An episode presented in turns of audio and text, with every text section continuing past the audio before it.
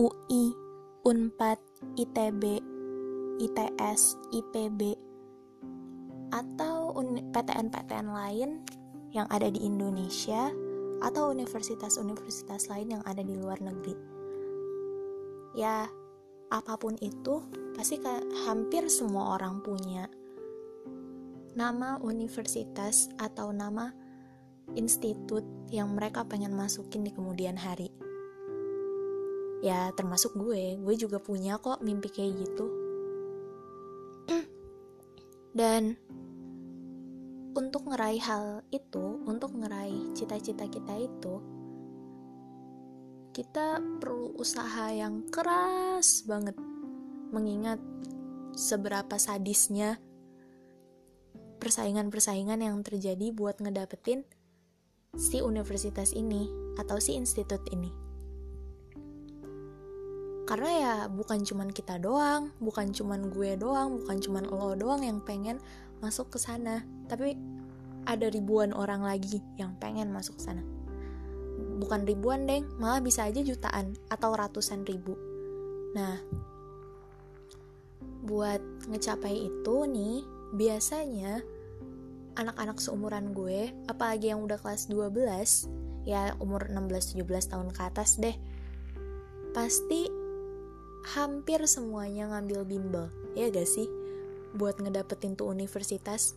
Kasarnya nih ya kayak bukan kasarnya sih kayak contohnya nih kayak kita mau ngedeketin orang kita pasti bakalan kayak PDKT-in dulu. Nah kalau ini kita nge-PDKT-in kampusnya dengan cara kita ikutan bimbel. Biasanya kan gitu ya.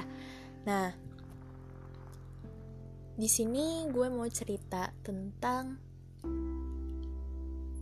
drama yang terjadi selama gue mau ngambil eh selama gue ngambil bimbel buat ngeraih mimpi-mimpi gue. Dan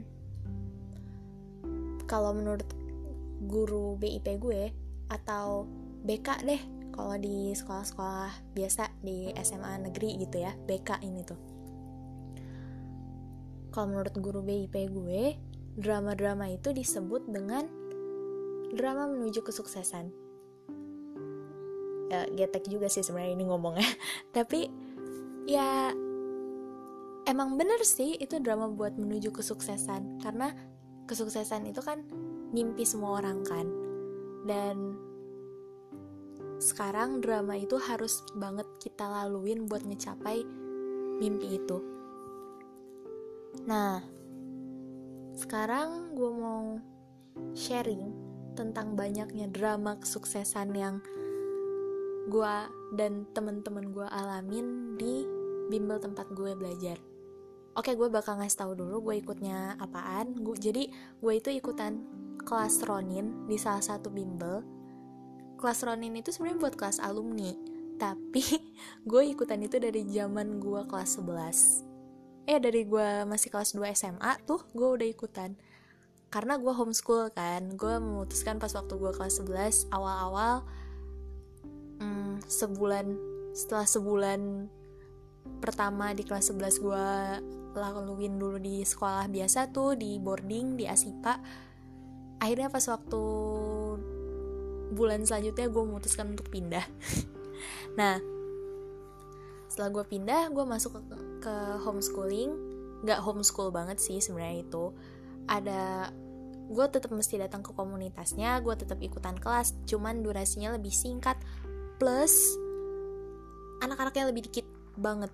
Lo bayangin gak sih gue yang biasanya sekelas tuh 34 orang terus tiba-tiba jadi cuman ya lima orang masuk di kelas tuh udah alhamdulillah gitu kan kayak hah? gitu banget lah jauh banget jomplang. Nah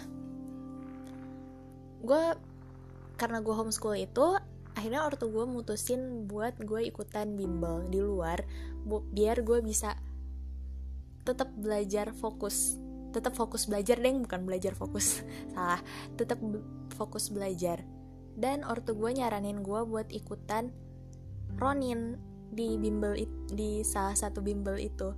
Ya kayaknya orang-orang udah pada tahu sih bimbel apaan yang memiliki kelas yang namanya Ronin. Nah um, gue ikutan itu dari zaman kelas 11 dan sekarang masih berlanjut pas gue kelas 12 ini. Karena gue masih pengen eh bukan karena gue masih pengen deh karena gue lagi berusaha buat ngegapai mimpi gue yaitu masuk ke Universitas Indonesia. Amin ya Allah. Nah uh, tuh kan jadi ngalor ngidul gue ngomongnya. Pokoknya sekarang gue mau sharing tentang drama-drama yang terjadi di Ronin ini. Dan gue bakal sebut itu dengan jurnal anak Ronin. Oke? Okay? selamat mendengarkan